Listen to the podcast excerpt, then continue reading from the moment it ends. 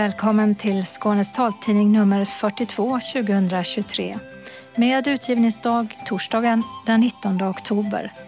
Solen gick upp klockan 7.45 i morse och ner igen går den 17.58 ikväll. I studion Åsa Kjellman Risi och Dodo Parikas. Tekniker är Martin Holmström och det här är våra rubriker. Mer pengar till funktionsnedsatta i Malmö. Nästa år i alla fall, men för i år så blir det ett jätteunderskott. Många är missnöjda med äldreomsorgen i Lomma medan äldre i Osby är mer nöjda. Det visar undersökning som Socialstyrelsen gjort bland Sveriges alla kommuner. Folkhälsomyndigheten ska undersöka varför det är så stora skillnader mellan regionerna när det gäller andelen äldre som vaccinerar sig mot covid-19. AI-program kan klona röster som låter trovärdiga. Vi har pratat med en IT-säkerhetsexpert om vad man kan göra för att motverka röstbedrägerier på telefon. Vi får en beskrivning av hur kartan ser ut över Israel och Palestina där våldet alltmer trappats upp den senaste tiden.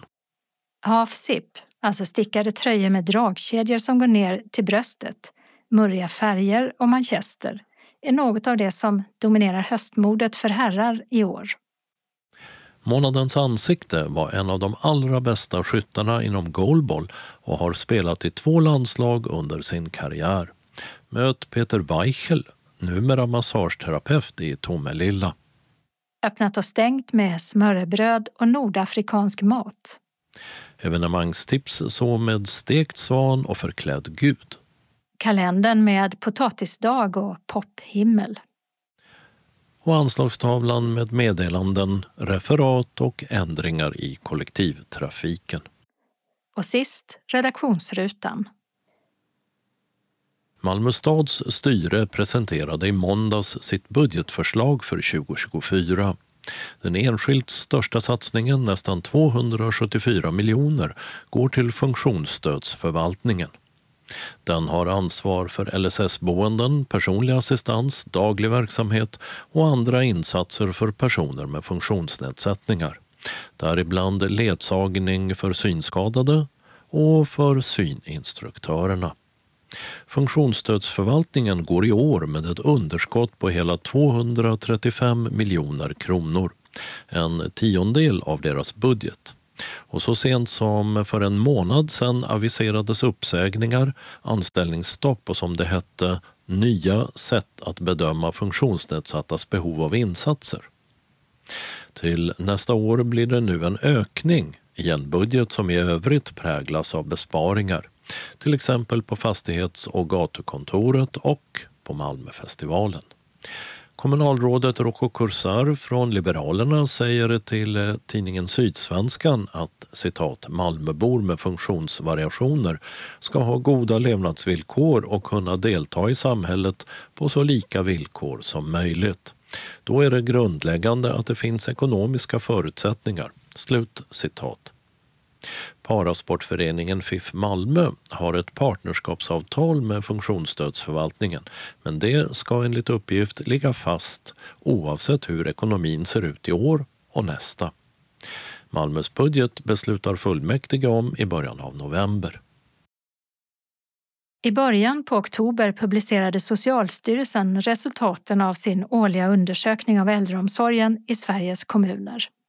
Det är en enkätundersökning där de äldre själva får betygsätta den service de får.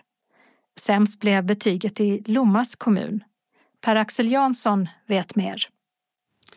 Ja, Lomma kommun sticker ut som en av de kommuner i landet som får sämst betyg av de äldre. Bara 67 procent av de äldre i Lomma är nöjda med den service de får. Medelvärdet för riket är 86 procent nöjda brukare. Fyra av tio i Lomma tycker inte att de får tillräckligt med hemtjänsttimmar, vilket är den högsta siffran i landet. De allra flesta i Sverige, 96 procent, är nöjda med bemötandet från hemtjänsten. Men i Lomma är bara 86 procent nöjda med bemötandet, vilket är en av de lägsta siffrorna i landet. Andra kommuner där många gör tummen ner för hemtjänsten i den här undersökningen är Burlöv där en fjärdedel av de som svarat inte är nöjda med hemtjänsten som helhet. Nästan lika många missnöjda äldre med hemtjänst finns i Malmö och Åstorp.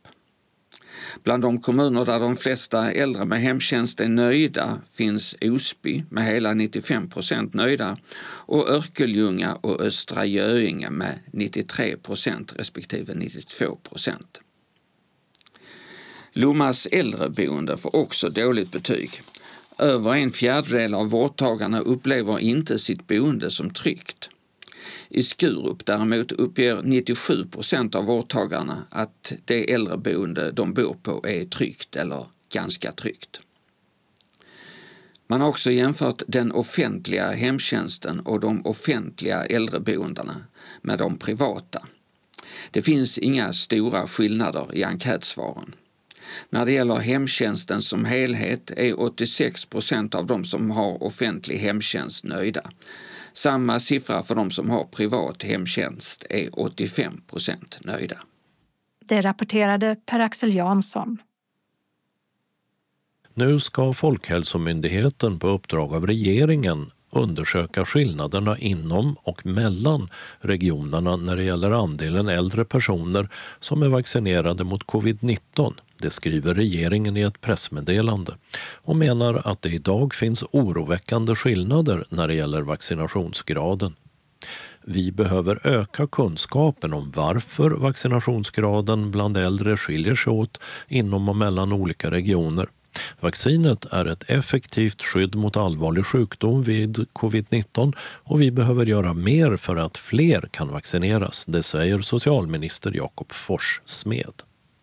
Folkhälsomyndigheten ska även lyfta fram exempel på hur regionerna kan arbeta för att nå fler äldre personer så att de kan vaccineras mot covid-19 och ge förslag på fortsatta utvecklingsinsatser inom området.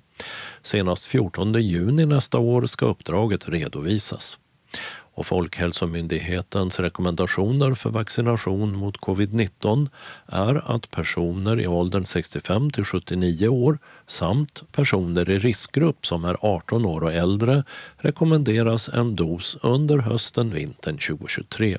Och detsamma gäller för personer som är 80 år och äldre samt personer boende på SÄBO, särskilda boenden för äldre.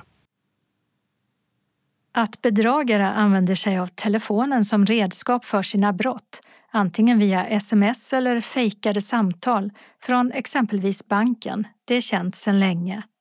Men nu har det också kommit ett program som gör det enkelt att klona en röst så att den kan låta som om en närstående ringer upp. Det är företaget Eleven Labs som tagit fram en variant av AI som med hjälp av en kort inspelad snutt med någon kan härma personen så att det låter relativt trovärdigt på de flesta språk, som svenska exempelvis. Och även om det också finns många fördelar med programmet, som att det kan användas som ett mer lättlyssnat alternativ till talsyntes med robotröst, så gäller det att vara ännu mer på sin vakt när man blir uppringd från och med nu.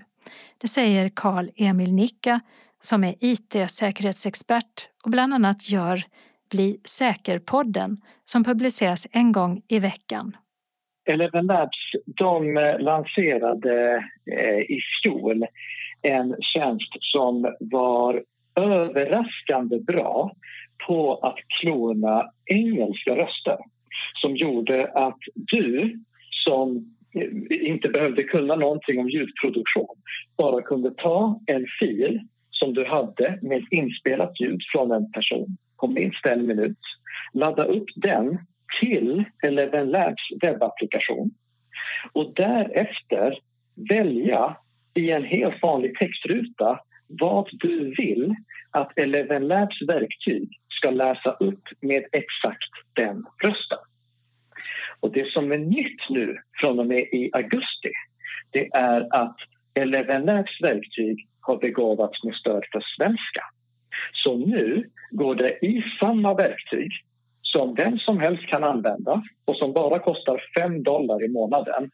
Ladda upp valfri röst, få den analyserad, och därefter välja exakt vad den här rösten ska säga. Eh, om man har en liten snutt av någons röst så kan man klona den så att det låter hyfsat trovärdigt och en bedragare skulle alltså kunna ringa upp mig till exempel på telefon och utge sig för att vara någon närstående och säga att eh, de behöver pengar till exempel. Bara med det du har sagt hittills hade jag haft det jag behövt för att kunna klona din röst och göra exakt det. Vi får hoppas att du inte gör det. Eller får jag varna alla? och, och, och, och, det är ju självfallet otillåtet att göra det. Eh, det, det alltså, bedrägerier är inte tillåtna. Eh, och, och eh, Eleven Labs är också tydliga med att du får inte klona någons röst som du inte har tillstånd att klona. Men jag har ju experimenterat lite med det här. Jag testade först att klona min egen röst och kunde eh, göra det så väl att till och med min egen mamma trodde att det var jag som pratade även om hon var lite orolig för om jag var sjuk för att jag lät inte riktigt som jag brukar. Eh, jag har testat att klona en svensk börs röst med tillstånd från den svenska börs bara för att demonstrera vad som går att göra genom att lägga orden i munnen på en sån framstående person.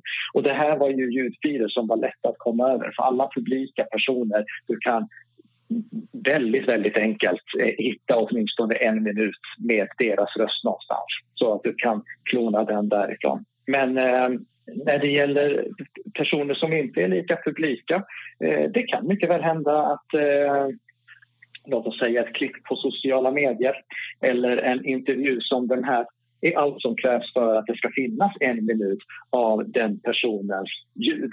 Och då går det att klona utifrån det hur ska man då tänka? Eh, kan man skydda sig på något sätt från sånt här? Nej. Eh, det, går, det, det, finns inget hundraprocentigt skydd mot den här typen av bedrägerier men det finns saker som går att göra för att eh, motverka att bedrägerierna lyckas. Och den första och absolut viktigaste saken det är att tänka på att inte lita på den som ringer. Eh, om det skulle vara så att en bank eller en myndighet behöver kontakta dig då är den organisationen väl medveten om att vi är försiktiga med att tro på det som sägs när någon ringer oss eftersom vi ser så mycket bedrägeriförsök.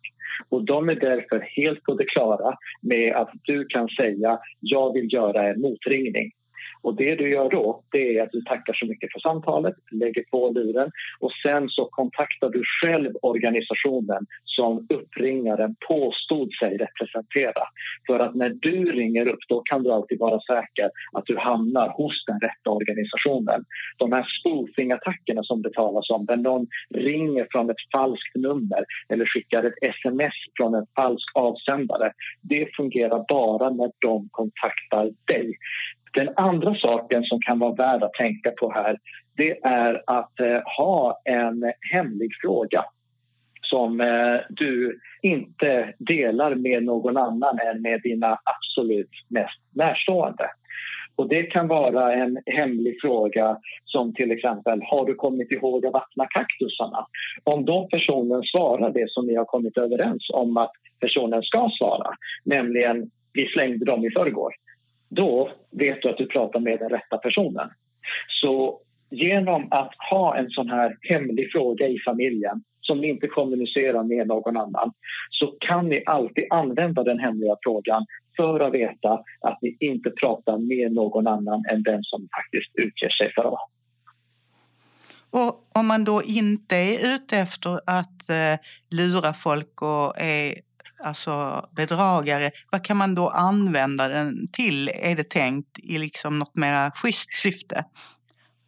Ja, det, det, här är en fantastiskt bra tjänst. Tack vare att vi nu har den här typen av tjänster så går det att skapa ljudinnehåll utifrån textoriginal som faktiskt låter bekvämt att lyssna på. Och det är en stor fördel för de som har svårt att ta till sig textinnehåll antingen på grund av synnedsättning eller på grund av någonting annat. Eller för de som helt enkelt vill kunna ta till sig material när de eh, sitter i bilen eller när de är ute och promenerar och därför inte kan läsa någonting för stunden. Tack vare att vi nu har AI-verktyg som kan läsa upp innehåll med röster som låter naturliga kan vi göra textinnehåll som tidigare var på tok för dyrt att omvandla till ljudinnehåll gångbart att omvandla till ljudinnehåll.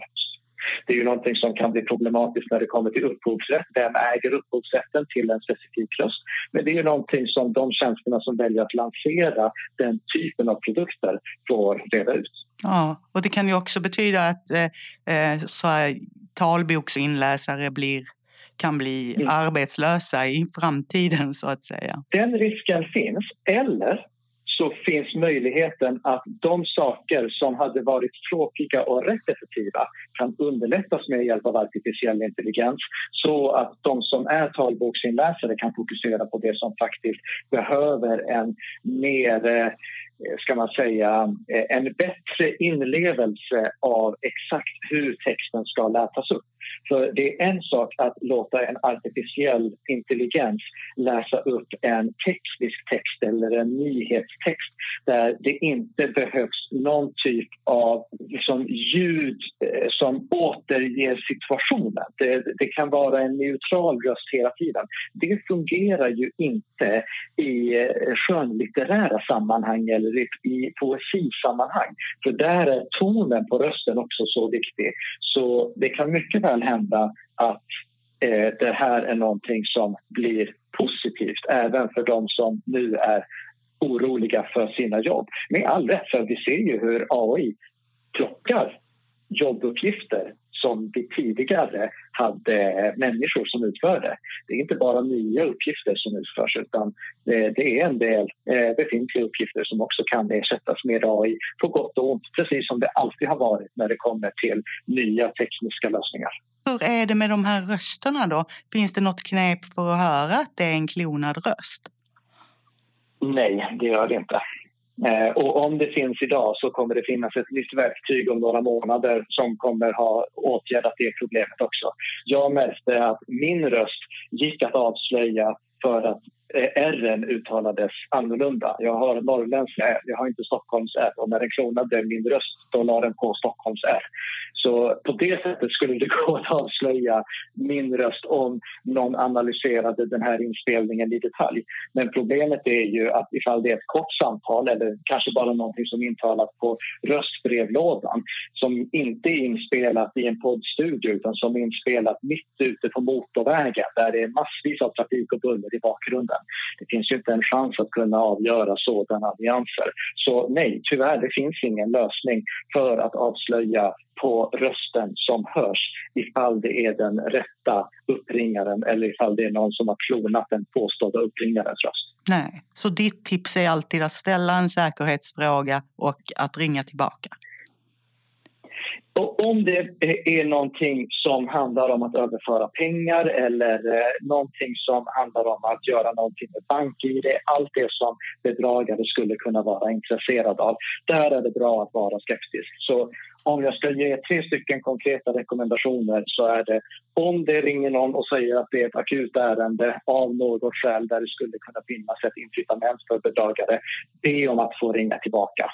Eh, se till att ha en sån här hemlig fråga som åtminstone du och dina närmsta känner till så att inte eh, en bedragare har möjlighet att Eh, spela igenom hela sitt eh, bedrägerimanus utan faller på att bedragaren inte kan svara rätt på just den här lite udda frågan.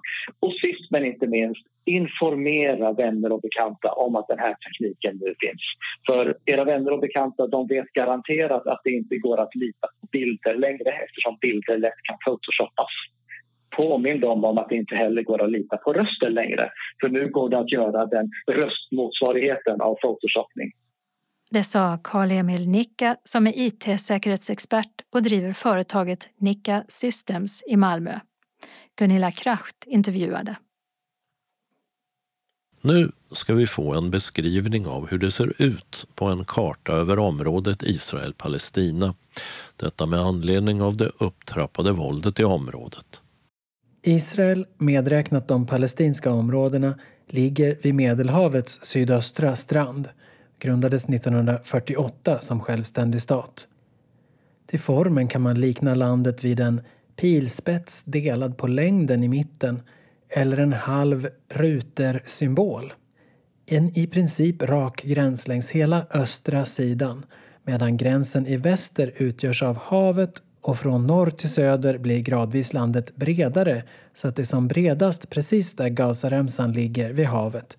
Där går sedan ett nästan helt rakt kartsträck mot sydost och landet smalnar av så att längst söderut finns en liten knappt 10 kilometer bred kustremsa mot ett annat hav, Röda havet. I väster finns Egypten och i öster Jordanien. Norrut vid kusten ligger Libanon och i nordöst Syrien. Flera av kartlinjerna när det gäller Israel-Palestina är streckade. Det är för att det är oklara eller ifrågasatta gränser. En sån är gränsen mot Syrien i nordöst i de omstridda Golanhöjderna som Israel de facto kontrollerar men som de flesta länder inte erkänner som israeliskt. De längsta streckade linjerna finns framförallt inom området mellan Israel och de palestinska områdena Västbanken och Gazaremsan. Det beror på att den palestinska myndigheten på pappret har självstyre men i praktiken ifrågasätts deras mandat. Det finns också stora mängder israeliska bosättningar och vägspärrar på Västbanken som gör att det inte går att dra en tydlig gräns här. Vi återkommer dit, men först den ganska tydligt avgränsade Gazaremsan som är ett område runt staden Gaza vid Medelhavet. En smal och rak remsa bara mellan 5 och 12 kilometer bred och ungefär 40 kilometer lång.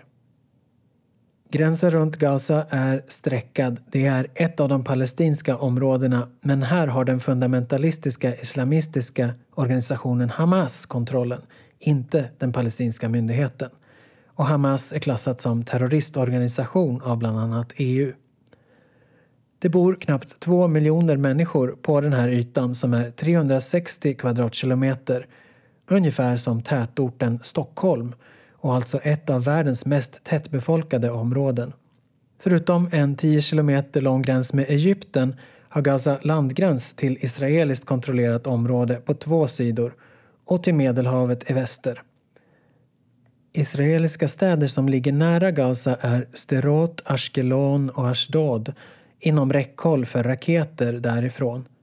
Och också delar av Tel Aviv längre norrut kan nås av raketer ibland som Israels missilförsvar oftast lyckas skjuta ner. Det andra och större palestinska landområdet som trots att det kallas Västbanken ligger i östra delen av Israel-Palestina har på kartan en streckad gräns i form ungefär av en njure eller kidneyböna som smalnar av strax nedanför mitten där den delade staden Jerusalem ligger som också är Israels huvudstad politiskt. Västbanken har ingen landgräns till Gaza utan ligger längre inåt landet vid gränsen mot Jordanien vid Saltsjön Döda havet som alltså inte är något riktigt hav. Och Västbanken har inte någon kust mot Medelhavet. Här finns drygt 3 miljoner människor på en yta som är 15 gånger så stor som Gaza. Större städer är Nablus, Betlehem, Jeriko, Hebron och Jenin.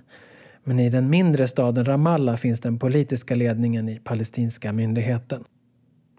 Israels befolkning närmar sig 10 miljoner, då är inte de palestinska områdena medräknade och är en liten aning glesare bebyggt än Västbanken. Tre fjärdedelar av befolkningen är judisk och 20 procent arabisk. Mer än 600 000 israeler beräknas bo i bosättningar på ockuperad mark innanför den så kallade gröna linjen som är krigsstilleståndslinjen från 1948 års krig mellan Israel och grannländerna. Största staden är Jerusalem, belägen mitt i landet med knappt en miljon invånare följt av Tel Aviv vid kusten västerut och Haifa vid kusten i norr. Det sa Henrik Jansson på Läns och riksnytt i Stockholm.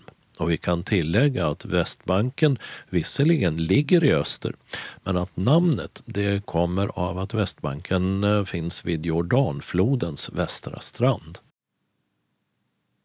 Den som vill vara trendig på fötterna kan satsa på ett par svarta boots, helst med kraftiga sulor. Det hörde vi om i förra veckans nummer av Skånes taltidning. Och nu har turen kommit till herrmodet i Skånes taltidnings sedvanliga trendspaning vid den här tiden på året. Anneli Svensson är butikschef på MQ Market på Triangeln i Malmö. Och enligt henne är det en speciell modell av stickade tröjor som är extra rätt just nu. På här har vi just nu väldigt mycket half zip. Då är det stickade tröjor med lite krage som står och en dragkedja som går en bit ner på bröstet bara. Så det är inte dragkedja hela vägen utan bara den översta delen, en 20 centimeter.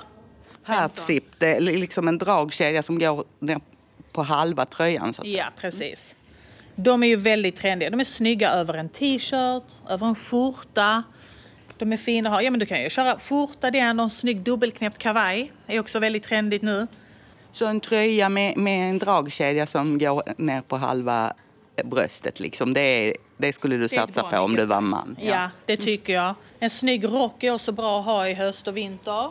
Har ju en i ull. Men den här rocken, ullrocken, den är, alltså den är fiskbensmönstrad. Skulle du säga att fiskbensmönster är något som du ser mycket av i höst och vinter? Ja, det tycker jag nu, för det, det får lite det här tweed känslan som är lite mer åt höst och vintern.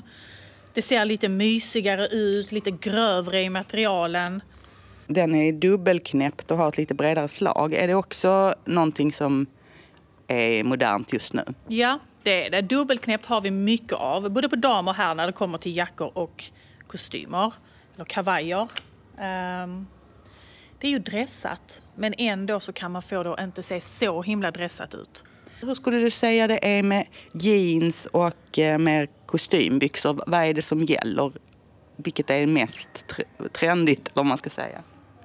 På här kan jag trycka, alltså, tycka att det är lika trendigt, både med ett par jeans men vi har ju också mycket av de lite dressade chinusen. För de kan du också ha till en kavajöverdel eller bara en stickad tröja. Så lite dressade chinos hade jag nästan satsat på om man inte redan har det. Om du skulle beskriva vad chinos är, vad är det? Bomullsbyxa skulle jag säga. De är ofta lite bomull. Vi har någon med lite ull i. Um, släta fickor. Fickor med knapp på baksidan. Men lite rakare ofta, skulle jag säga.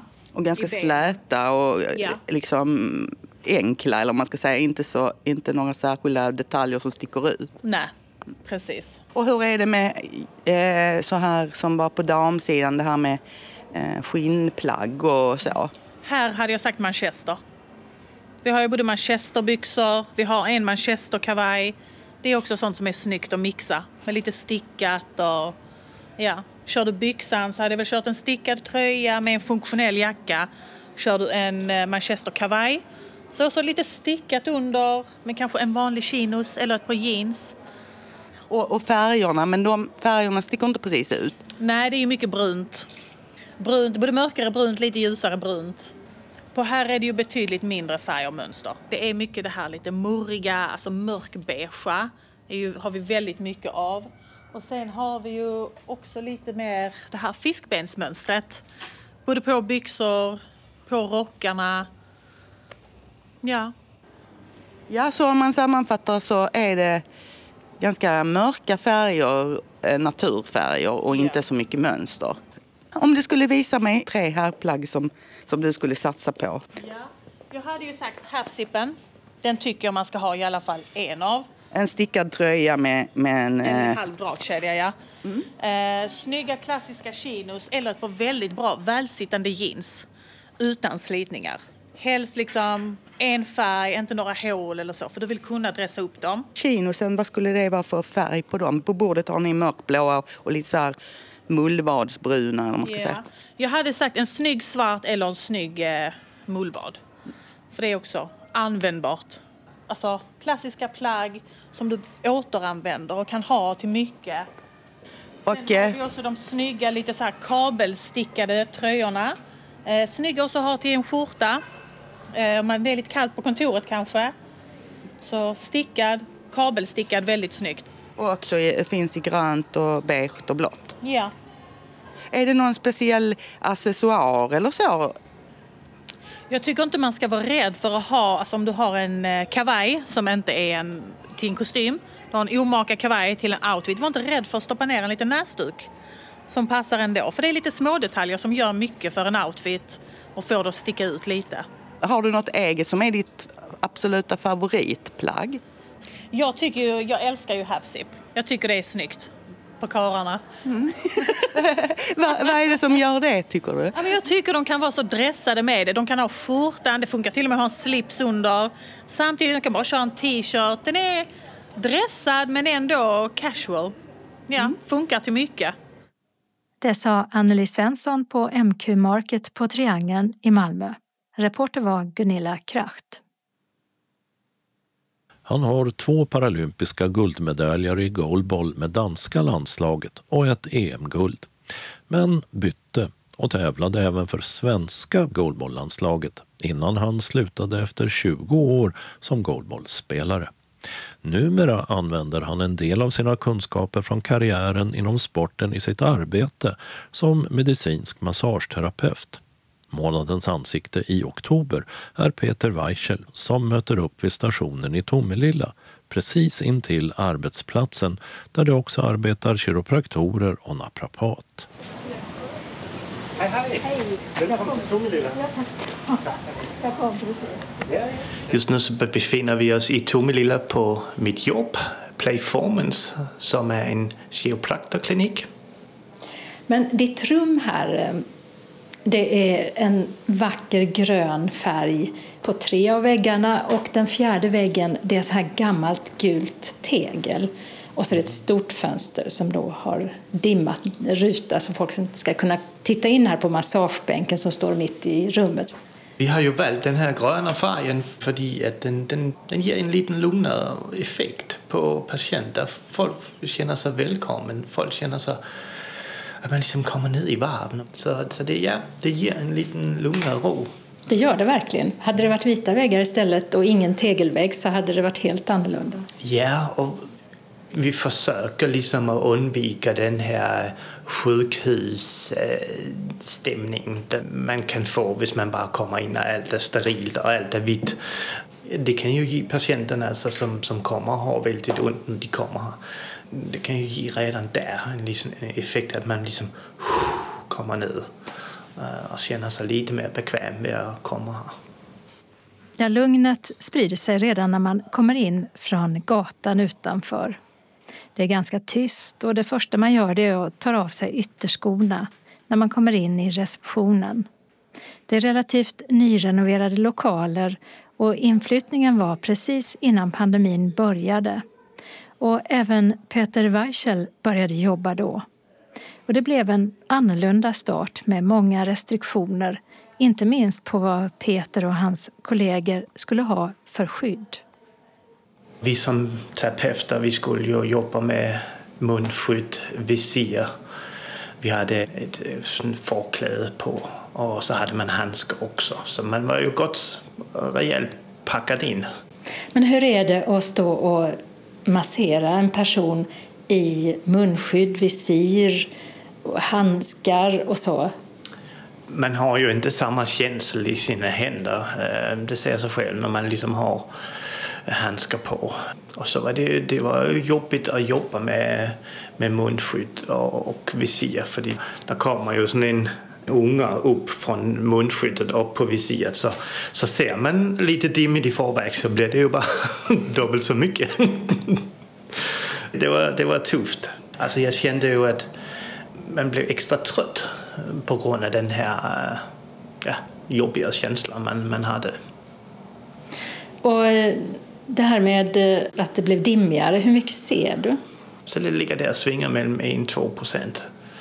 Man kan väl beskriva det bättre på att liksom säga att, att det syn jag har kvar, alltså det kan jag inte använda till speciellt mycket. Jag kan ju använda det till att färdas runt kanske i, i, i vana omgivningar. Men går jag ute, ja men då måste jag ha en käpp med mig för liksom att klara mig.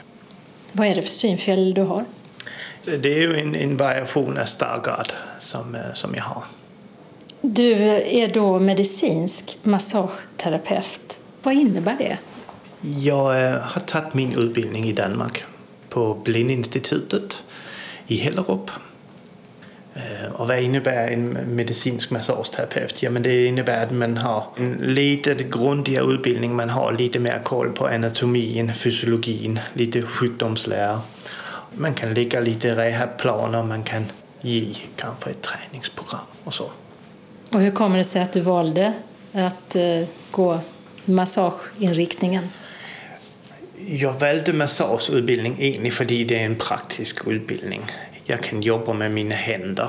Jag kan vara fysisk i mitt jobb. Och det finns ju inte så många fysiska jobb. Alltså, har du ett synshandikapp, ja men då eh, är du ju lite begränsad i praktiska yrken.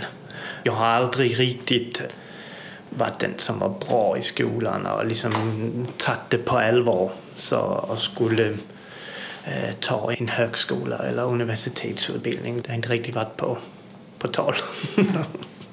så det, det blev eh, en massageutbildning som blev mitt yrke. Vad tycker du är roligast med det? Det, det roligaste är väl att man, man möter mycket olika människor med olika problem. Um, kan ju vara fysiska problem men det är ju också mycket folk som kommer med, de tror det är ett fysiskt problem men, men egentligen sitter det kanske i huvudet på dem och kan vara med till att påverka det med den erfarenhet man har. Ja, men det, det tycker jag är kul. Man får en nära kontakt? Man får en väldigt nära kontakt. Folk öppnar upp sig, man blottar sig, man tar av några kläder, man kommer nära varandra. Jag tänkte på en sak när du då har någon som ligger på den här britsen och du masserar och sådär. Mm. Har du någon fördel tycker du av att eh, du ser eh, lite? Jag tror jag, jag har en fördel med att jag, jag ser med händerna. Det är ju det patienterna säger till mig, att de har varit hos andra terapeuter. De, liksom, de märker på ett sätt att jag liksom ser med mina händer. Gör jag mycket att jag liksom letar med händerna vad det kan vara. Och sen är du ju, eller har varit, en väldigt duktig goalballspelare både i Danmark, i danska landslaget och i svenska landslaget. Hur får du med dig det här in i ditt arbete? Vi är ju en idrottsklinik, eh, så vi har ju lite folk som håller på med idrott eh, och som, som kommer här och får lite behandlingar. I alla de år jag har hållit på med idrott där har vi haft många terapeuter som har behandlat oss som aktiva. Och många av de saker som de har gjort det har jag ju tagit med mig. Så har den här sjukgymnast, øh, den här naprapat, eh, øh, massör gjort saker på mig då har jag ju tagit det till mig och sagt wow, vilken effekt det hade. Så det har jag tagit med i min verktygslåda. Så, øh, så det har ju gett mig jättemycket och fått eh, behandlingar så många olika terapeuter. Men hur kom det sig egentligen att du kom till Sverige? Tillbaka i 2008 hade vi varit på Paralympics i Peking. Jag kände liksom jag hade nått mycket med landslaget i Danmark. Vi hade tagit två Paralympics-guld och vi hade tagit ett EM-guld på den tiden. Och det var liksom, det släcktes lite i Peking var att vi, eh, vi åkte ut i kvarten. Ja, men det kom en, en mätthetskänsla där. Så jag valde egentligen att pausa helt när jag kom hem därifrån. Men så började ett samarbete ta form med FIF Malmö som kom över och tränade och tävlade i Köpenhamn för att båda lagen skulle få lite motstånd, som inte var så välkänt. Och strax därpå så började också Peter Weichel att åka till Malmö för att träna. Januari, tror jag, nio, började jag faktiskt åka över en dag i veckan och träna med, med killarna som spelar i Malmö. Ja, det var väl det bästa jag har gjort. För eh, det gjorde att jag fick eh, ny gnist, jag fick en ny glöd till att liksom fortsätta med, med att spela. Och sen eh, så spelade inte kärleken in lite också, att du flyttade till Sverige? Jag mötte ju min, min fru som också spelade goalball i FIF, Sara. Så började vi ju se, se varandra. Och så inleddes en period av pendlande, först till träning och kärleken i Malmö och senare när Peter Weichel flyttade till Malmö åt andra hållet, alltså Köpenhamn, där han fortfarande hade kvar sitt jobb. Men så 2014 köpte de ett hus i Tomelilla och planen var att flytta in några veckor innan deras första barn skulle födas. Vi väntade Ellen medan vi bodde i vår lägenhet i Malmö. Hon kom nästan sex veckor för tidigt. Så faktiskt, när vi fick nycklarna till huset den 14 mars, då kom hon dagen efter. Så vi hann inte bo i huset mer än en en 12 timmar så, så kom hon. Vi hade ju øh, planerat in att øh, kompisar och familj skulle flytta för oss om lördagen. Och det var ju folk som skulle hjälpa oss eh, i Malmö med att läsa ner från lägenheten ner i bilar. Och så körde till Tomelilla men de kunde ju inte förstå varför vi inte var där och varför vi inte liksom svarade på våra mobiler men då låg vi ju på BB. Men eh, de lyckades och flyttade allt för, för oss. Och så kom till lilla Tomelilla vården. Det är inte alla man kan förstå för man pratar lite konstigt här. Men eh, man har lärt sig åren. Så fick vi en, en pojke eh, två år efter. Så vi har Ellen som är nio och så har vi Olle som är sju nu. Men eh, att det blev goalball, varför började du med goalball från början egentligen? Jag var väl en elva när jag testade goalball första gången. Där hade vi en tränare som också såg rätt så dåligt. Så eh, jag var ju liten och jag ville ju gärna vara bra snabbt på den här idrotten. Och han såg ju inte att jag bara kunde ha de här glasögonen upp i pannan. Så, så jag kunde ju använda det syn jag hade. Så jag blev ju, jag tyckte jag var bra. Men äh, det var ju folk som hurtigt kunde finna ut att han den lille där, han hade ju glasögonen i pannan. Och så gick jag och tog glasögonen ner från ögonen och så tyckte jag inte det var lika roligt. Så jag slutade ju med det igen och höll egentligen på med friidrott i ett par år. Men så var jag väl 13 var att det var en annan goalballspelare som sa att Nej, men nu har vi fått en ny tränare. Han är jätteduktig. Han tar det verkligen på allvar. Han kan ju liksom se och lära oss. Och... Så jag, jag gav det en chans till och det var väl det bästa jag har gjort. För jag lärde mig ju med glasögonen på. Du fortsatte inte att fuska där? Nej, jag fortsatte inte att fuska. Det gjorde jag inte. Plötsligt så stod jag där så höll jag på med två idrotter spelade goalball två dagar i veckan och höll på med friidrott tre dagar i veckan. Så det, det blev ju väldigt mycket.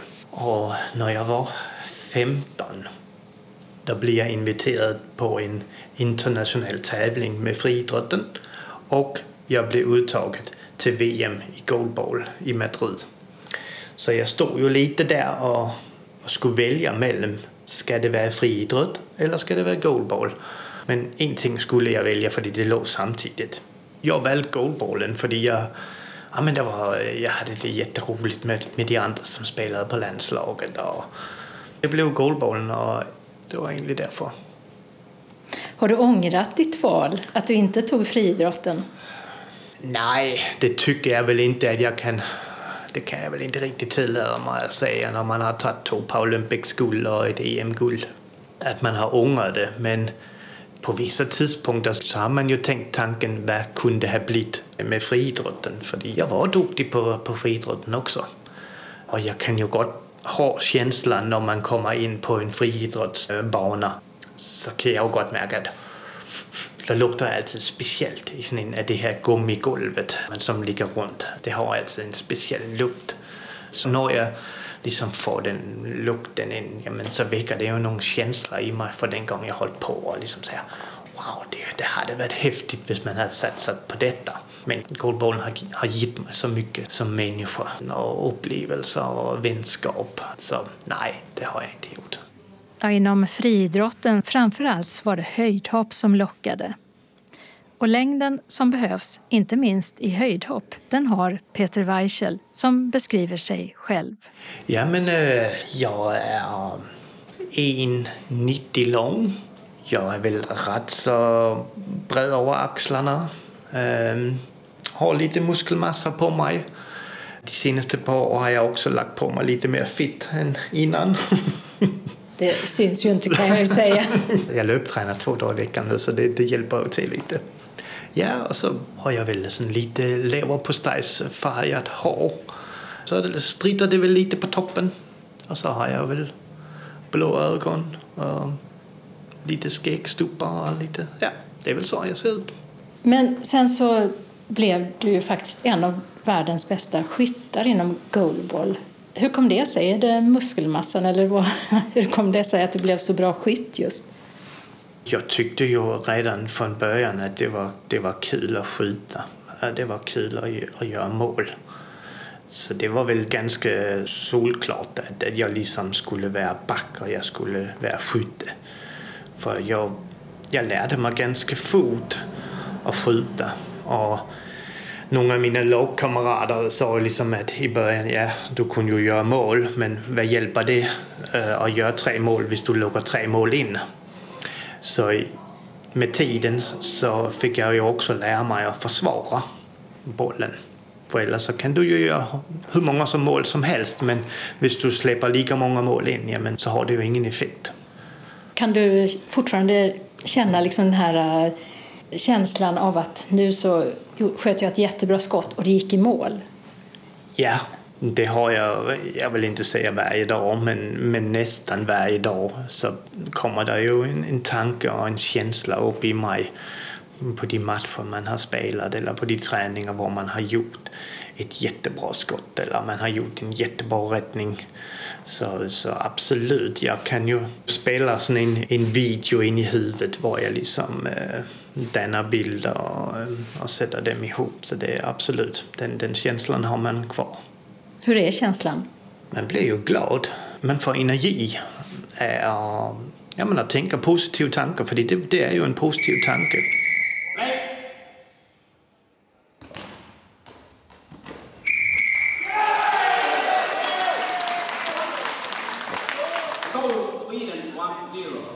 Jag menar, det kan också bara vara att om man tycker liksom livet är lite surt i sig ja, men då, då kan du spela de här inre videor med, med saker som du har gjort.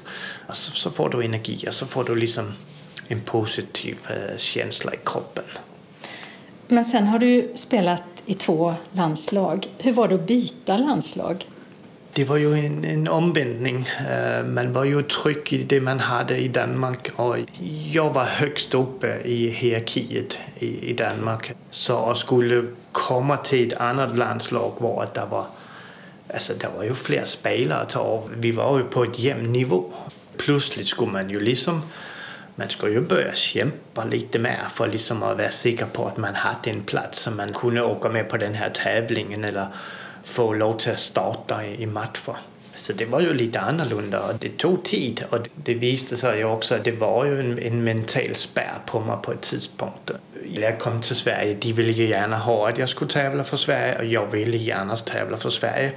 Och vi hade ett stort mål, det hette Paralympics i Rio. Men för att ta oss till Rio, ja men då skulle vi ju kämpa oss upp från B till A och så vidare för att kvala in där och så till Paralympics. Men vi fick chansen att åka på den här kvalturneringen till Paralympics. Och eh, ja, vi, vi lyckades kvala in på den tävlingen. Men det, det var utfordrande på mig och eh, heldigvis så fick jag ju hjälp. Jag är en idrottspsykolog som hjälpte mig med de här lite negativa tankar som jag hade om, omkring mig själv och mina egna förväntningar och rädslan för att, att misslyckas. Den var ju där i mig men det fick jag hjälp med och det är jag väldigt tacksam för för många av de saker som man hjälper mig med där, den brukade jag ju när vi var på Paralympics och, och vi skulle prestera där. Men sen eh, så bestämde du dig på någon tidpunkt att, att nu får det vara nog, nu ska jag sluta? Jag hade ju ingått en avtal med min, med min fru om att, att fram till Paralympics, då är det idrott som gäller då allt annat det får komma vid sidan om. Och det hjälpte ju också min dotter som var två år gammal på det tidspunkt. Så det var ju mycket min fru som liksom fick ta ansvaret där. Jag var nästan inte hemma på helger. Eh, det var enten träning eller tävlingar. Jag hade ett fulltidsjobb och åkte till Malmö ett antal gånger i veckan. Kom hem klockan 11 på kvällen. Så det var inte mycket. Jag var hemma. Ett par månader innan vi åkte till Paralympics, ja, men då, då kom min son också så plötsligt hade vi ju två barn. Så det var rätt så klart att Paralympics skulle vara det sista. Och sen har du också varit eh, massör för IFK Ystad i handboll. Ja, det blev jag i 2019. Jag saknade ju inte det att tävla. Men jag kunde ju sakna liksom den här stämningen, det speciella gemenskapet det var omkring en, eh, ett lag och idrott. Så det, det saknade jag och så tänkte jag, ja men det kunde ju vara kul att testa mitt, mitt jobb med det här. Jag kom ju verkligen in i, eh, i laget var att, det, att de var jätteduktiga, de var, det var ett bra lag. Och som massör för IFK Ystad jobbade Peter Weichel deltid i några år men beslöt sig sen för att nu fick det räcka. Inte minst med tanke på att det ofta handlade om kvällsjobb. Jag kände en eller annan känsla i mig att nu är jag mätt. Nu har jag prövat allt. Nu har jag själv varit aktiv och jag har, liksom, nu har jag jobbat i en klubb. Jag kände mig färdig med, med det här med idrotten på det tidspunkt.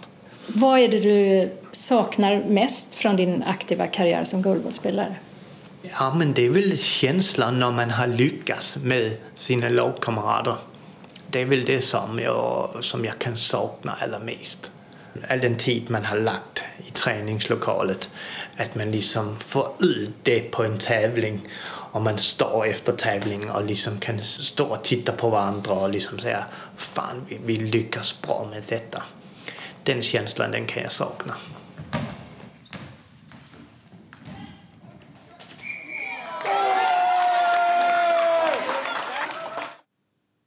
Vi mötte 40-åriga Peter Weichel, uppvuxen i danska Hilleröd men sedan många år tillbaka boende och arbetande i Tomelilla.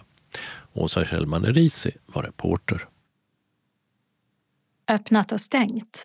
I Lund har restaurang Sugar Spice öppnat i saluhallen.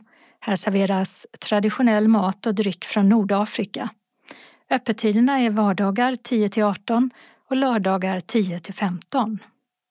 I Hyllinge utanför Helsingborg har stadens femte McDonalds-restaurang öppnat.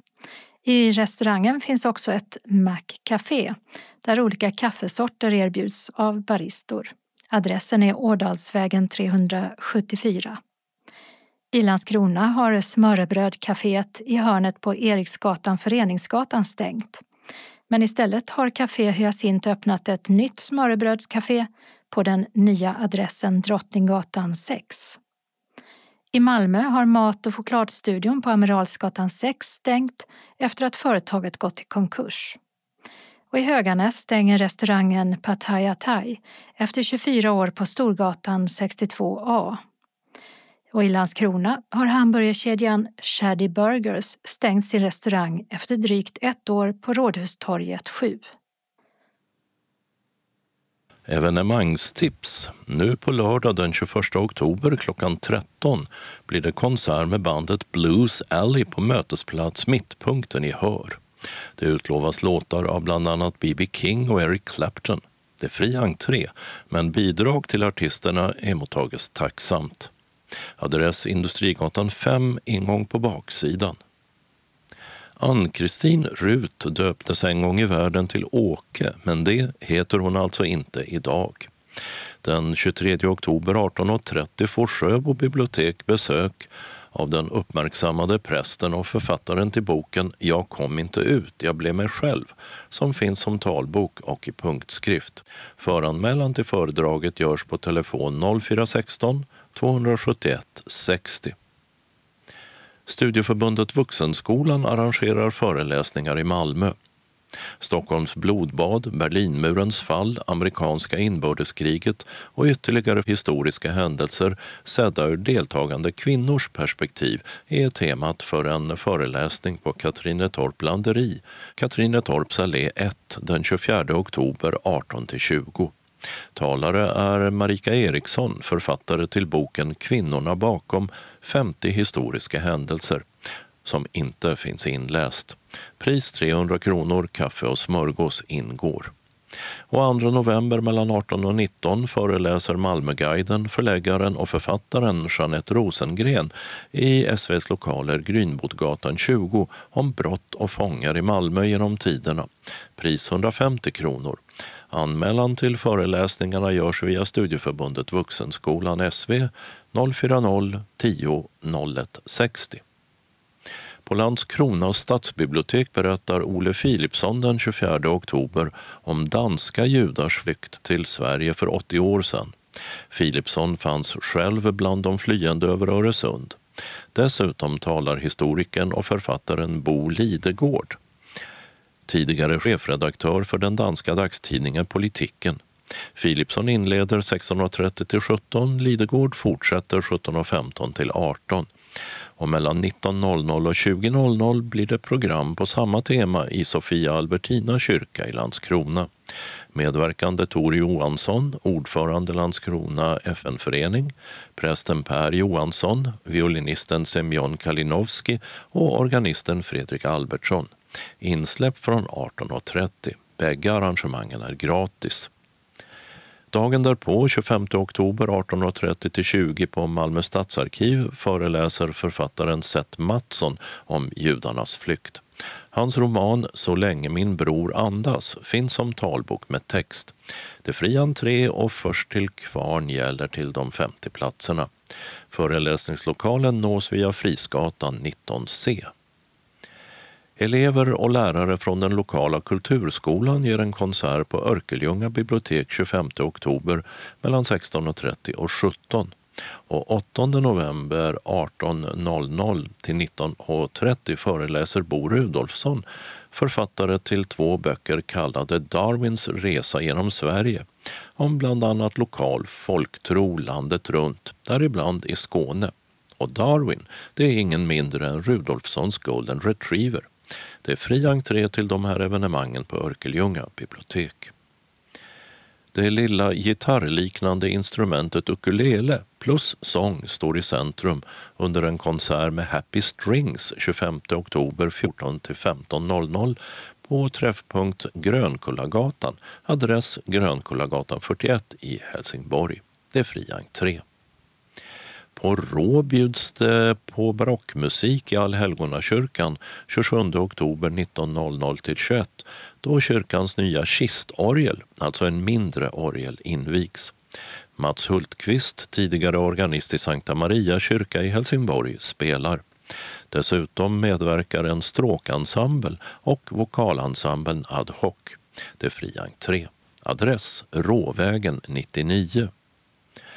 På gatuplanet i Malmös eh, första skyskrapa, Kronprinsen, invigs det nya restaurangtorget fredag, lördag 27-28 oktober. Några exempel ur programmet. Fredag.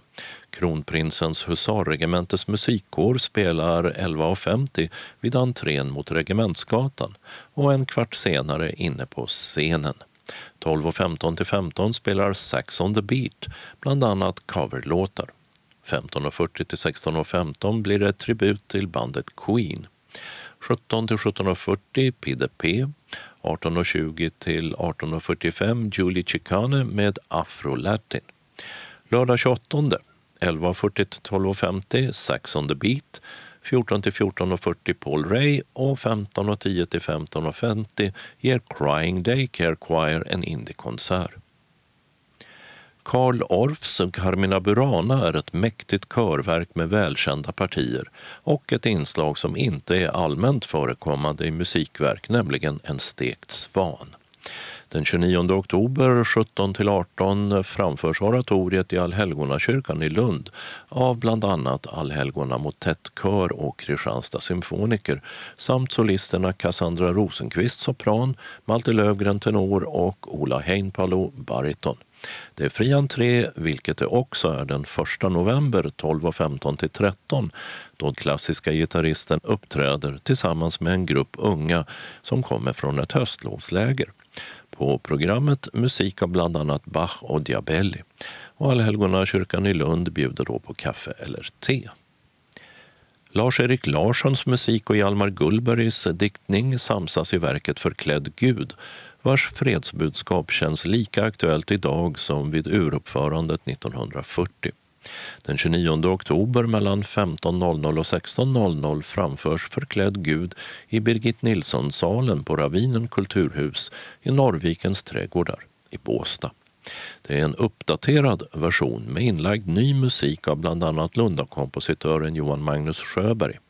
Sångsolister är den finska sopranen Nora Karoloma och tenoren Johan Sandberg ackompanjerade av Nils Tykesson på piano och orgel.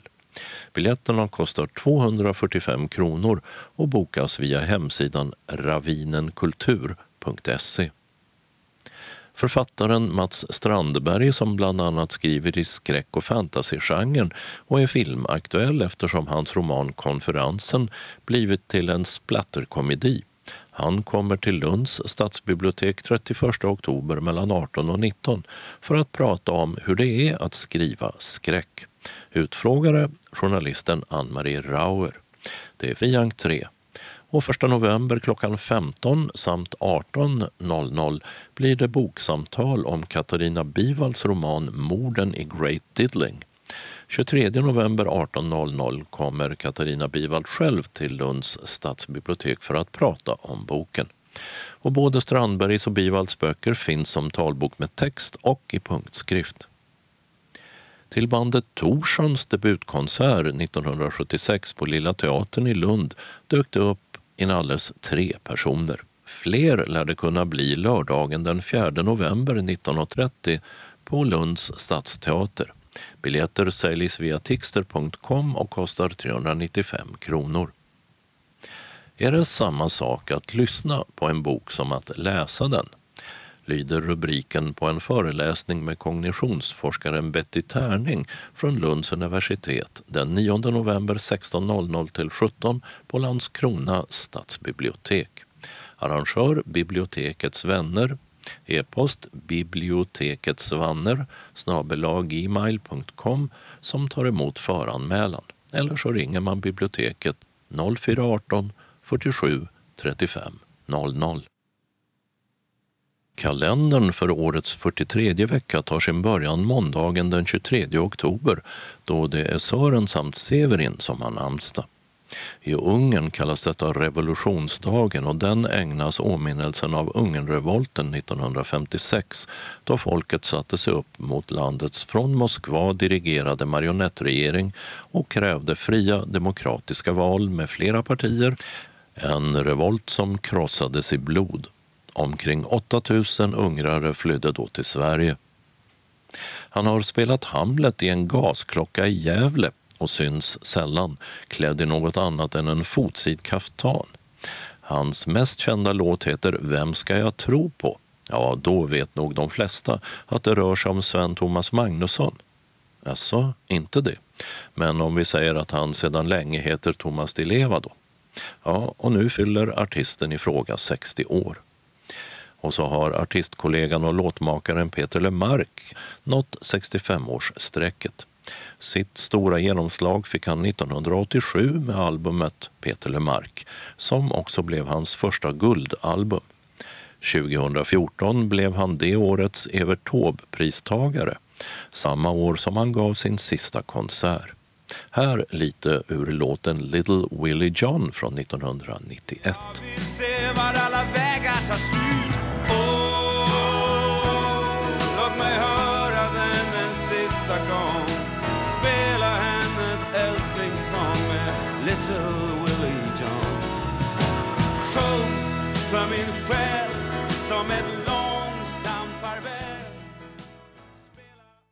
Tisdagen den 24 oktober inleder Frankrikes president Emmanuel Macron med en regerings och näringslivsdelegation ett statsbesök i Sverige. Förenta nationernas dag har i år ägt rum i 75 år.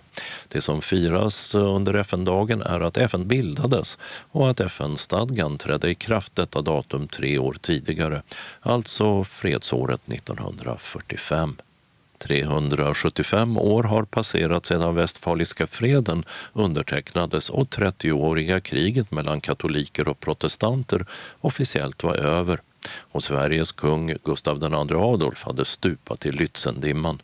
Och som ett minne av de dåtida svenska härjningarna i Tyskland kallas fängelsegaller där än idag ibland för Schwedische Gardinen, svenska gardiner. Kriget tog alltså slut 1648 medan det svenska rockbandet 30-åriga kriget som bildades 1970, de spelar och ger ut skivor än idag.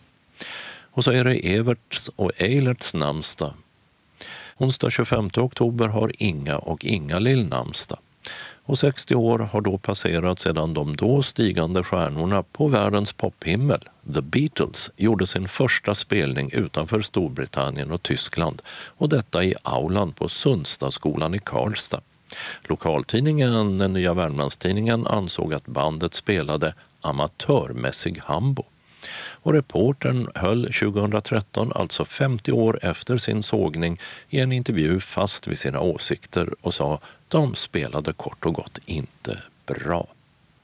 Och 20 år har gått sedan Svenska fotbollförbundets nuvarande ordförande valdes till ordförande för något helt annat, nämligen Moderaterna. Vi talar alltså om Fredrik Reinfeldt, Sveriges statsminister mellan 2006 och 2014. Torsdag 26 oktober firar Amanda och Rasmus namnsdag medan det i Österrike är nationaldag. Potatisen är idag en av de vanligaste ingredienserna på våra tallrikar. Men i mitten av 1600-talet betraktades potatisplantorna främst som prydnadsväxter i trädgården. Industrimannen Jonas Alströmer började odla potatis som nyttoväxt på 1720-talet. På 1800-talet slog potatisen igenom hos folk i allmänhet och då lika mycket som råvara till brännvin. Allt detta kan man begrunda den 26 oktober som är potatisens dag. Fredag 27 oktober är årets 300 dag och världsdagen för det audiovisuella arvet, alltså för inspelat ljud och dito rörliga bilder, som är i fara eftersom gamla inspelningar förstörs av tidens tand eller avsiktligen. Och det här är en Unesco-dag. Det är dessutom internationella nalledagen då den ryska björnen dock inte bör firas. Och så är det alla svärmödrars dag som lämpligen inte högtidlighålls genom att svärmor uppvaktas med en svärmors kudde, en kuddliknande kaktus med stora vassa taggar. Och det här är också sista skoldagen innan höstlovet och namnsdagsbarnet heter Sabina. Lördag 28 oktober är det fullmåne Lördag 28 oktober är det full Lördag 28 oktober är det fullmåne och Simon samt Simone har namnsdag. I Tjeckien firas nationaldag och när man går och lägger sig är det dags att ställa tillbaka klockan en timme eftersom vi går över till vintertid när lördagen blir till söndag. Och när vi vaknar söndagen den 29 oktober har vi alltså fått sova en timme kortare så här på Violas namnsdag. I Turkiet är det nationaldag och det är i år 100 år sedan landet blev republik efter det Osmanska rikets sönderfall. Och 25 år har gått sedan en anlagd diskoteksbrand i Göteborg ledde till att 63 personer miste livet och 200 skadades. Den regionala anslagstavlan börjar med ett meddelande från Synskadades riksförbund Malmö Svedala som bjuder in hela Skåne till Mozarts Requiem på Malmö Opera. En syntolkad föreställning med Skånes dansteater, Malmö Operakör och Malmö Operaorkester. Torsdagen den 9 november klockan 19 på Malmö Opera Östra Rönneholmsvägen 20 i Malmö. Träffas gör man klockan 18 för att få sin biljett, din mottagare för syntolkning och lämna in kläder i garderoben. Föreställningen håller på i cirka en timme och 20 minuter utan paus. Priset är 100 kronor, ledsagare går kostnadsfritt. Syntolk är Gunilla Kracht och vi hör ett av musikhistoriens mest mytomspunna verk. Mozart dog medan han komponerade Dödsmässan och idag finns det flera versioner färdigställda av olika tonsättare. Anmäl dig till kansliet senast torsdagen den 26 oktober, telefon 040-25 05 40 eller mejla info srfmalmo.se. Berätta vid anmälan om du behöver ledsagning, lur och inbetalningsavi. Du betalar in på föreningens bankgiro 192 9645 eller swish till 123 077 8050 senast torsdagen den 2 november. Glöm inte att skriva Mozart och namnet på deltagaren. Hemresa kan du beställa till efter klockan 20.40. För medlemmar utanför Malmö utgår reseersättning som vanligt från SRF Skåne för resor utanför Malmö. Och när kvittot har skickats in inom tre månader. Om ni har några frågor eller om det uppstår problem kan man ringa Maj-Britt Ryman på telefon 070-324 6609. Hjärtligt välkomna hälsar styrelsen. Och SRF Malmö Svedala har också ett meddelande om syntolkad filmvisning av No time to die, en brittisk-amerikansk action-thriller. Och då bjuder man in hela Skåne till den här filmvisningen torsdagen den 2 november klockan 18. Handling James Bond har lämnat sin tjänst och njuter av ett lugnt liv på Jamaica. Det blir dock kortvarigt när hans gamla vän Felix Leiter från CIA dyker upp och ber om hjälp. Uppdraget att rädda en kidnappad forskare visar sig bli mer förrädiskt än väntat. Och längden är 2 timmar och 43 minuter, syntolkning via Movietalk. Filmvisningen är kostnadsfri men du tar själv med dig dryck och biogodis. Anmäler sig gör man till kansliet senast dagen innan. Boka bilen till Vendelsfridsgatan 13, baksidan. Skulle din bil bli försenad eller något annat inträffar så ring till Maj-Britt Ryman eller Mikael Werngren som har telefon 076 191 0466. Hemresan kan du beställa till 21.00 och för de utanför Malmö så utgår resersättning som vanligt från SRF Skåne. Välkomna till filmvisning hälsar styrelsen SRF Malmö Svedala. Och så har vi ett referat.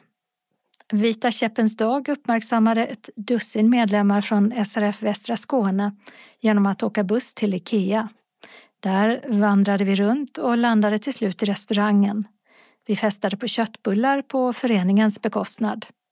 När alla var mätta och belåtna vandrade vi i gemensam tropp över till Väla centrum och där möttes vi av ytterligare två medlemmar.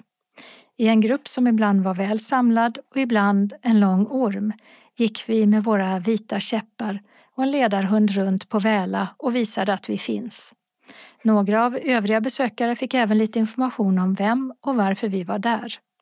När vi var nöjda med att visa våra vita käppar gick vi till Schillers café, drack kaffe och åt en kaka innan vi skildes åt. En lyckad dag. Ett bra sätt att manifestera Vita käppens dag. Ett trevligt sätt att umgås på utanför föreningslokalen. Vid tangenterna Christer H. Den lokala anslagstavlan är idag gemensam för hela Skåne och består av meddelanden från SRF Malmö Svedala som hälsar välkomna till SRF Malmö Svedalas dagverksamhet där det serveras kaffe, smörgås eller kaka till en kostnad av 10 kronor. Anmäler gör man till kansliet på telefonen 040-25 05 40 om man tänker komma på någon av dagaktiviteterna. Senast klockan 10 samma dag som aktiviteten. Måndagen den 23 oktober klockan 13 till 15. Vi träffas och umgås med lite fika och diskuterar aktuella nyheter samt läser lite ur tidskrifter. Ibland hinner vi även med frågesport. Tisdagen den 24 oktober klockan 13 till 15.15 .15 är det bingo och fika. SRF Malmö Svedala bjuder också in till pubkväll fredagen den 27 oktober klockan 18 i föreningens lokal på Wendelsfridsgatan 13 i Malmö. Vi äter en tallrik med skärk och ost samt lite annat smått och gott. Det finns flera olika sorters öl att välja på. Pris för medlemmar är 100 kronor, övriga betalar 130 kronor. Dryck är till självkostnadspris. Anmäl dig till kansliet senast måndagen den 23 oktober och meddela vid anmälan om du vill ha alkoholfri öl eller vin, allergier, specialkost och om du behöver ett inbetalningskort. Du betalar till föreningens bankgiro 192-9645 eller swish 123 077 8050 senast onsdag 25 oktober. Glöm inte att skriva pubkväll och namnet på deltagaren vid betalning. Väl mött hälsar styrelsen. Och SRF Malmö Svedala har hobbyträff. Då var det dags att träffas onsdagen den 1 november klockan 13 på Vändelsfrisgatan 13. Man tar med sig sin hobbyverksamhet eller så kommer man för att umgås över en macka, kaka och en kopp kaffe till självkostnadspris på 10 kronor. Färdtjänst hem kan beställas till klockan 15.15. 15. Vill du vara med? Anmäl dig till kansliet senast dagen innan. Varmt välkommen styrelsen. SRF Malmö Svedala har också ett meddelande om söndagsquiz. Söndagen den 5 november klockan 13. Då är det dags för lite hjärngympa. Det blir i form av tipsfrågor och som vanligt kommer vi att använda tryckbubblor och kryssrutor för att ange svaren. Efter frågorna serveras kaffe och smörgås och naturligtvis blir det prisutdelning. För allt detta betalar medlemmar 50 kronor kontant på plats eller med Swish. Övriga betalar 70. Anmäl er till kansliet den 26 oktober. Glöm inte att meddela allergi eller särskild kost vid anmälan. Har du frågor eller behöver avboka när kansliet inte är öppet så ring till Rolf på telefon 070-547 9729. Färdtjänsthem kan beställas till 14.45. Välkommen önskar styrelsen. Och SRF Malmö Svedala hälsar att det är dags att beställa 2024 års almanacka. Pris storstilt 265 kronor. Punkt veckoalmanacka A6 spiral 130 kronor. Punkt månadsblad lösblad 4 hål 130 kronor. Punkt månadsblad lösblad 6 hål 130 kronor. Gör din beställning på kansliet gärna så fort som möjligt men senast torsdagen den 26 oktober. Hämtning av almanackor sker på kansliet. Om man vill ha den hemskickad så får man själv stå för frakten. Välkomna att beställa. Vi har några tillfälliga ändringar i busstrafiken och först gäller det Malmö. Ett VA-arbete på Västra Kattarpsvägen som startar den 23 oktober klockan 4 på morgonen och avslutas den 27 oktober klockan 15 gör att fem hållplatser stängs och två hållplatser dras in för linje 35 i riktning mot Gustav Adolfs torg via Södervärn. Hållplatser som påverkas är Bennetsväg, läge B, som stängs, hänvisning till Rosengård, läge B på Amiralsgatan. Hållplats Örtagården, läge B stängs, hänvisning till Rosengård, läge B. Hållplats Persborgstorget, läge B stängs, hänvisning till linje 1 och 141 från hållplats Persborg, läge B på Lönngatan. Hållplats Persborg, läge B dras in för linje 35. Hänvisning till linje 1 och 141 från hållplats Persborg, läge B. Och samma hänvisning gäller för hållplats Lönngården, läge B, som också stängs. Hållplats Sofielund, läge D, dras in för linje 35. Hänvisning till linje 1 och 141 från hållplats Sofielund, läge D på Lönngatan och samma gäller för hållplats Rolfsgatan, läge B, som också stängs. Och vi har en tillfällig ändring i den lokala busstrafiken i Ängelholm och på Åsbogatan. Det här vägarbetet är redan igång men påverkar linje 3 och 4 till den 3 november klockan 17. En ny hållplats ska anläggas och hållplatser som påverkas är hållplats Kallenbergsgatan läge A som stängs och för linje 3 så hänvisas resenärerna till hållplats Fricksgatan läge A och linje 4 där är det hänvisning till hållplats Villans servicehus läge B. Och det här var allt för denna vecka. Nästa Skånes taltidning kommer ut torsdagen den 26 oktober. Skånes taltidning ges ut av Region Skånes psykiatri och habiliteringsförvaltning. Ansvarig utgivare är Martin Holmström. Postadress Jörgen Ankersgatan 12, 211 45 Malmö. Telefon 040-673 0970. E-post Skanes taltidning snabela skane.se och hemsida skanestaltidning.se. Observera att cd-skivorna inte ska skickas tillbaka till oss.